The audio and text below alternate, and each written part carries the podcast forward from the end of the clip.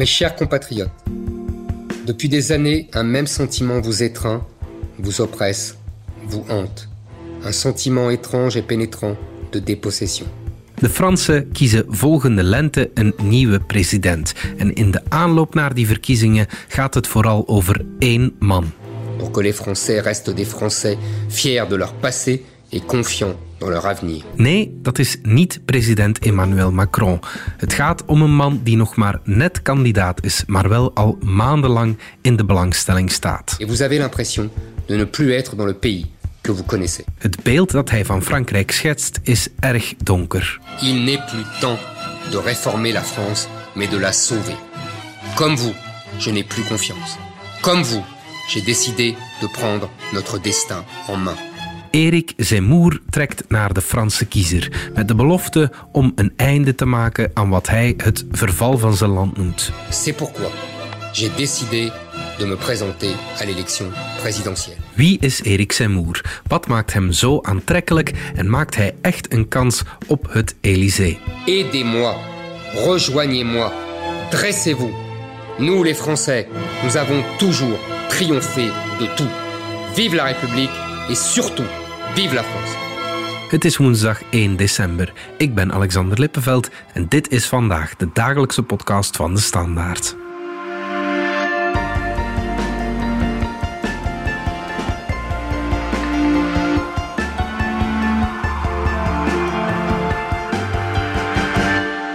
Ruud Goossens, jij volgt eh, extreem rechts in Frankrijk al een tijdje voor onze krant. Ik heb niet gelogen, hè. Zemmour doet het goed in de peilingen, terwijl hij nog maar sinds gisteren officieel kandidaat is. Ja, absoluut. Dat is iets gek. In Frankrijk peilen ze al voor iemand eigenlijk aan de wedstrijd meedoet. Oké.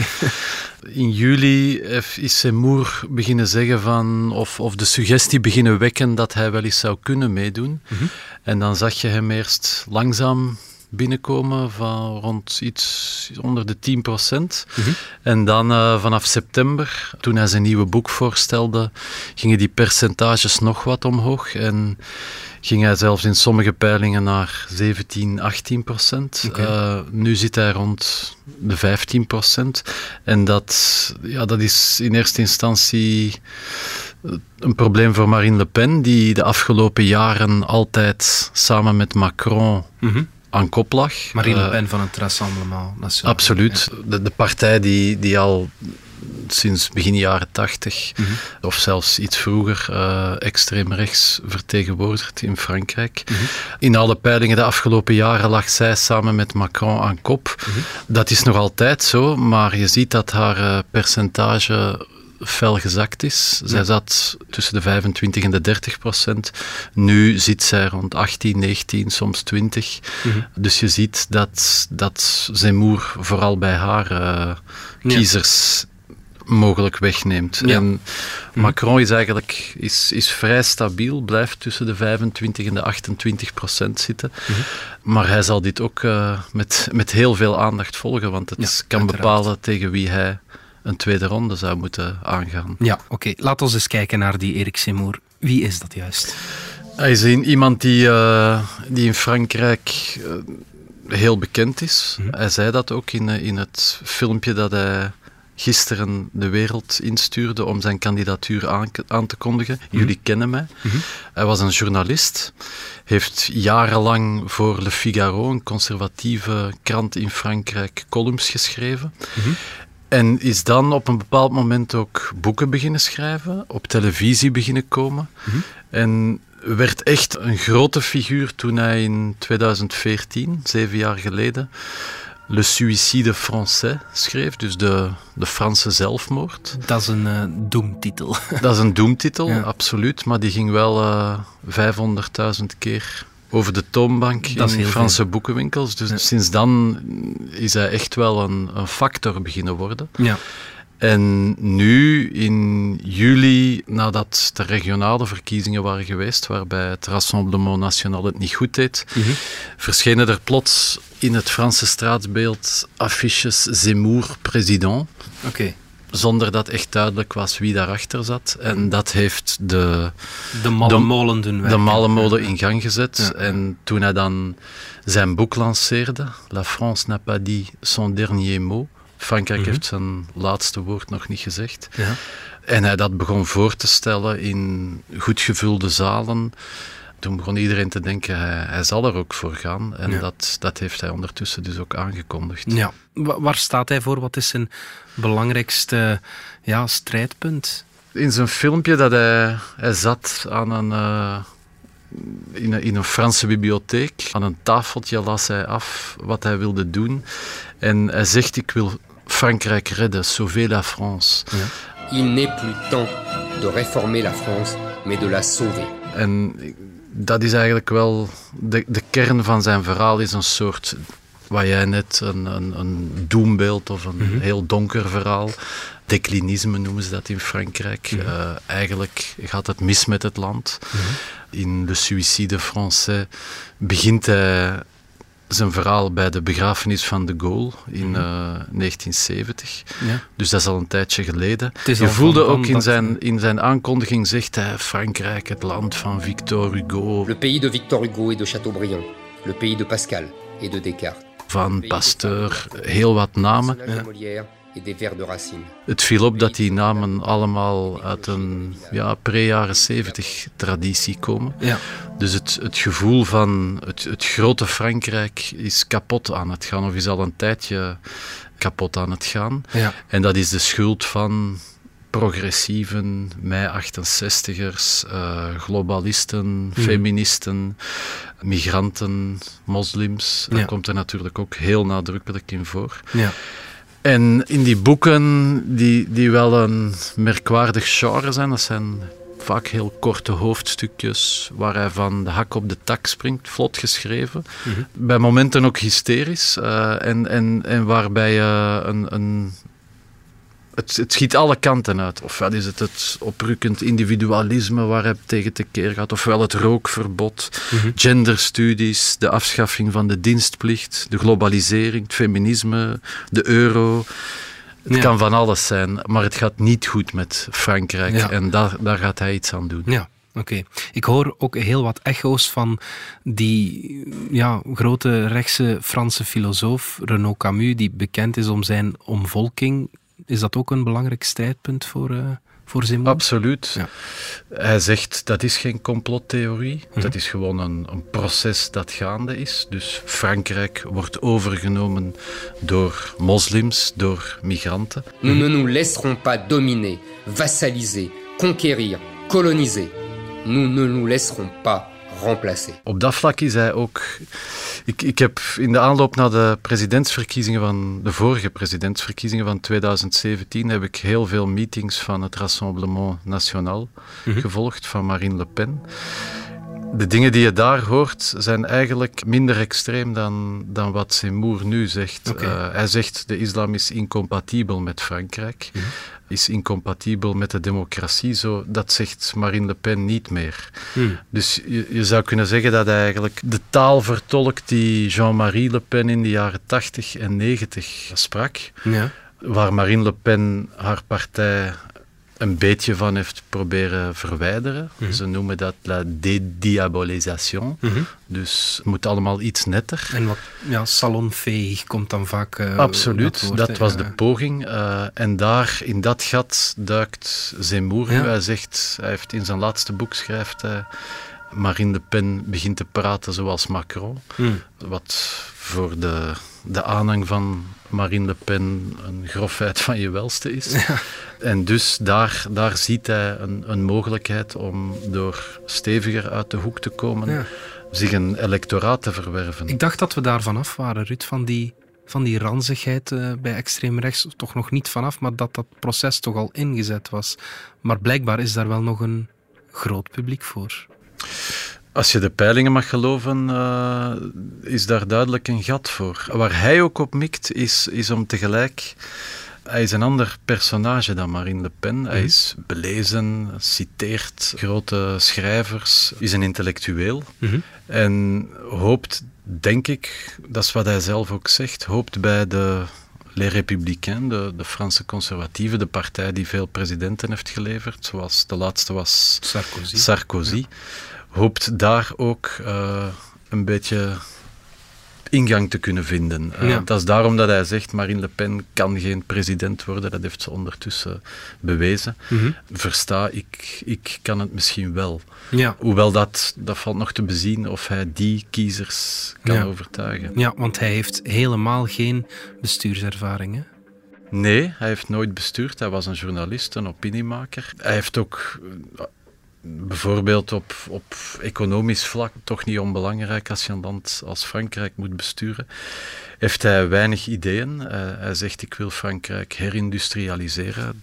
Herinnert een beetje aan, aan wat Trump zei. Ja toen hij in 2016 in de VS aan de macht kwam. Maar dat wordt zeker een flank waar, waar Macron en anderen op zullen inbeuken om te zeggen van ja, dit is een man die alleen maar uit cultuurstrijd is opgetrokken. Ja. Die ons niet aan jobs of aan, aan bedrijven gaat helpen. En denk die... je dat dat de goede strategie is voor Macron? Want dat heeft bij Clinton ook niet gewerkt in haar strijd tegen Trump. Hè? Nee, maar absoluut niet. En, en dat, dat, is, dat, dat is de moeilijkheid bij zo'n figuur als Zemmour. Hij sleept nog wel wat dingen achter zich aan. Hij is wat MeToo-achtige klachten tegen zich lopen. Dus hij heeft afgelopen weekend heeft hij in Marseille zijn middenvinger opgestoken naar een tegenstander. Mm. Dat soort dingen heb je met Zemmour heel veel. Mm. Dus waarvan je denkt, hier, hier zou hij over kunnen uitglijden. Maar anderzijds Donald Trump, ja. 2016, grabbed him by the pussy. Dat heeft ook niet tegen hem gewerkt. Dus dat, dat wordt de vraag. Mm -hmm. Hoe hard gaat men hem nu kunnen treffen? Want dat zal men proberen en er liggen, er liggen wel wat dingen. Ja, oké. Okay. Je zegt hij sleept nog wat dingen mee. Wat, wat is dat dan zoal? Hij is in het verleden al een paar keer veroordeeld. Eh, omdat hij ja, heeft echt wel al uh, een paar heel grove dingen gezegd. Uh, ik denk dat de veroordeling ging over het feit dat hij had gezegd dat werknemers, zwarten en Arabieren, moeten kunnen weigeren. Mm -hmm. Hij heeft minderjarige asielzoekers ooit dieven, moordenaars en verkrachters genoemd. Okay. Dus dat is echt heel, heel grof taalgebruik. Hij heeft iets, iets wat in Frankrijk ook heel gevoelig is, is ik verwees al net naar het Vichy-regime, mm -hmm. daar heeft hij toch ook al een paar keer dingen over gezegd die wel heel vergoelijkend waren. Mm -hmm. Over Pétain, over het koloniale verleden van Frankrijk. Zet hij zich constant af van mensen die zeggen, ja, we hebben, we hebben daar misschien toch een paar fouten gemaakt. Ja. Dat soort dingen, op dat vlak laat hij een heel andere toon dan Macron horen. Ja, oké. Okay. Het valt wel op hoe vaak hij ook op televisie is, hè? Ja, absoluut. Eerst had hij zijn eigen programma, waarmee hij van maandag tot donderdag elke avond om zeven uur bij op C-News zat. Dat heeft men gestopt toen men te hard begon te vermoeden dat hij zelf voor het presidentschap zou gaan. Ja. Maar hij is wel blijvend opgevoerd en dan vooral op C-News, wat, wat een soort Frans Fox News is geworden. Ja. Daar speelt een, een miljardair van 69, Vincent Bolloré, een belangrijke rol in. Mm -hmm. Die heeft met zijn groep Vivendi een aantal Franse media in handen gekregen. Mm. En die steunt Zemmour redelijk voluit. Ze ja. bellen naar verluid dagelijks. En het doel is van Bolloré om de, de muur tussen extreem rechts en rechts gesloopt te krijgen. Hetgeen wat Marine Le Pen nooit echt gelukt is. Nee, ja. Daarvoor zet hij zijn kaarten op Zemmour. Ja, dat wordt nu dus de vraag of dat lukt. We zijn terug na de reclame. 7 uur opstaan, 7 uur 30 half uur joggen, 8 uur call met mijn ex, hm. 9 uur eerste meeting op het werk, 10 uur presentatie voorbereiden, 10 uur 30 presenteren, 12 uur de zoveelste meeting, 14 uur 221 mails beantwoorden, 18 uur de kinderen helpen met hun huiswerk wiskunde en om 20 uur 30 eindelijk verder bouwen met Lego. Even tijd voor jezelf nodig? Vind je flow met Lego en geniet van een ontspannende uitdaging. Zoek op Lego Sets voor volwassenen. Er zijn nu twee sterke kandidaten op extreem rechts, Marine Le Pen en Eric Zemmour. Als die twee elkaar gaan bekampen, speelt dat dan niet in de kaarten van Emmanuel Macron? Dat is maar de vraag. In 2017 was dat de tweede ronde? Macron tegen Le Pen en die won hij met zijn vingers in zijn neus. Merci mes amis Dans la fidélité de la confiance que vous m'avez donnée, je vous servirai avec amour. Vive la République Vive la France Stel nu even, maar, en nu gaan we in de glazen bol beginnen kijken. Stel dat Zemmour 20% haalt en Marine Le Pen haalt ook 20%. Ja. Maar daar wipt een kandidaat van de conservatieven net over, van Les Républicains, Ja. Michel Barnier, zeg maar iets. Ja. Zij beslissen zaterdag wie hun kandidaat wordt. Ja, dan staat Macron door de kandidatuur van Zemmour plots in een veel moeilijkere tweede ronde. Ja. Namelijk tegen een eh, niet-extreemrechtse conservatief, Ja. die veel meer centrumkiezers of veel makkelijker centrumkiezers zou kunnen overtuigen. Ja. Die ook moeilijker als een groot gevaar voor de democratie zal afgeschilderd kunnen worden. Iets wat toch ook altijd mensen in een tweede ronde tegen extreem rechts overtuigt om voor de, voor de democraat te stemmen of Ja. voor de, de centrumkandidaat. Eh, dus in, in die zin valt het, valt het echt nog maar te bezien of dit, of dit goed nieuws is. Ja, dus je denkt niet dat, of het nu Le Pen of Zemmour zouden worden in die tweede ronde, dat zij een kans maken. Na, eh, sinds 2016, sinds de Brexit, sinds Trump, moeten we daar altijd met twee woorden spreken. Want wie, had de, wie had de Brexit zien komen? Wie dacht dat Trump het van Clinton zou halen? Desalniettemin, hij staat nu op 18% Marine Le Pen had, of, of zelfs iets minder ondertussen. Marine Le Pen had in 2017 34, of bijna 34 procent. Ja, vandaar naar 50 procent gaan, dat, dat is nog wel een eindje. Ja. Anderzijds zie je dat Macron de afgelopen jaren toch ook heel veel tegenstand heeft uitgelokt. Ja. Hij is onder invloed van al die rechtse kandidaten, is hij zelf, heeft hij die flank heel goed proberen afdekken. Bijvoorbeeld op economisch vlak, bijvoorbeeld op migratievlak. Dat heeft veel woede gegeven. Denk aan de gele hesjes. Heel Ja. die beweging die toch een, een jaar lang Frankrijk echt op, op stelte heeft gezet. En heel veel oppositiegeluiden heeft laten horen, soms ook gewelddadig. Dus het, het is niet zo dat er een boulevard voor Macron klaar ligt naar een tweede presidentschap. Nee. Hij heeft de beste kansen, nog steeds, denk ik. Mhm. Maar hij moet heel goed uitkijken, ja, dat wel. Ja, het valt mij op, Ruud, dat in heel dit verhaal links volledig afwezig is. Wat, wat is er met links aan de hand? Een, een gebrek aan kandidaten is er niet. Ik, Er zijn er zeker vijf. Ja. Eh, maar geen een van die kandidaten haalt meer dan 10% in de peilingen. Wat in een land dat in 2012 nog via de PS met François Hollande het Elysée binnenhaalde. Dat is toch wel heel opmerkelijk, maar Macron heeft de PS in 2017 volledig leeggegeten, een oplawaai gegeven waar ze nog altijd niet van hersteld zijn. Ja. Je ziet dat hun belangrijkste kandidaat, Anne Hidalgo, burgemeester van Parijs, die een maand of twee geleden heeft aangekondigd dat ze meedoet, blijft in de peilingen op 5 à 6 procent hangen. Mélenchon, de kopman van La France Insoumise, radicaal links, met een stevige patriotische saus erover. Die gaat al lang mee ook. ja. Die gaat al lang mee en die had in 2017 zat hij dicht tegen 20 Ja. maar hangt nu rond de 9% En de Groenen, die het bij de gemeenteraadsverkiezingen van twee jaar geleden op heel wat plekken heel goed hebben gedaan. Ze hebben de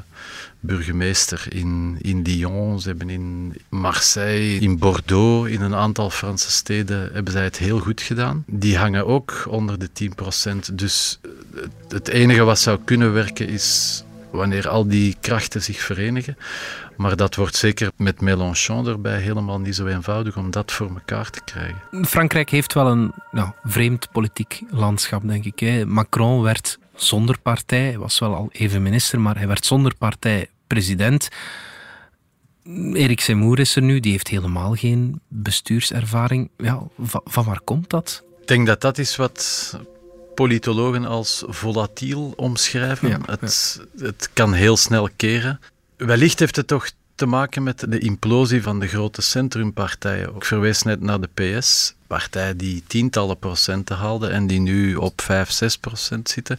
De Republikein, de centrumrechts laten we zeggen. Die partij is ook uh, enorm naar beneden geduikeld de afgelopen jaren.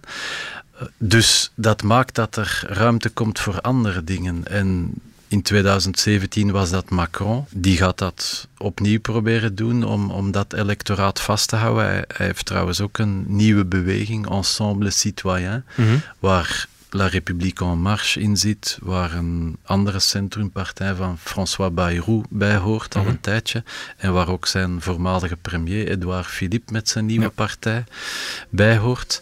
Aan de rechterkant of aan de nog rechtsere kant is Macron centrum-rechts of centrum-links. Ja. Eerder centrum-rechts ondertussen, denk ja. ik. Uh, aan de rechterkant zie je ook dat er nieuwe dingen gezocht worden, doordat Marine Le Pen al jaren tegen een soort plafond aanbotst. Mm. Proberen anderen het. En daar is Zemmour de, de laatste emanatie van. van. Ja. ja. Oké, okay. goed. Ruud Goossens, dankjewel.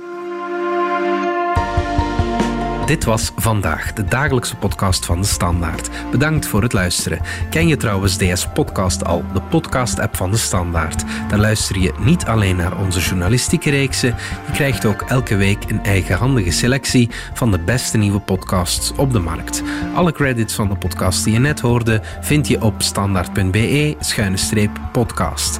Reageren kan via podcast.standaard.be. Morgen zijn we opnieuw.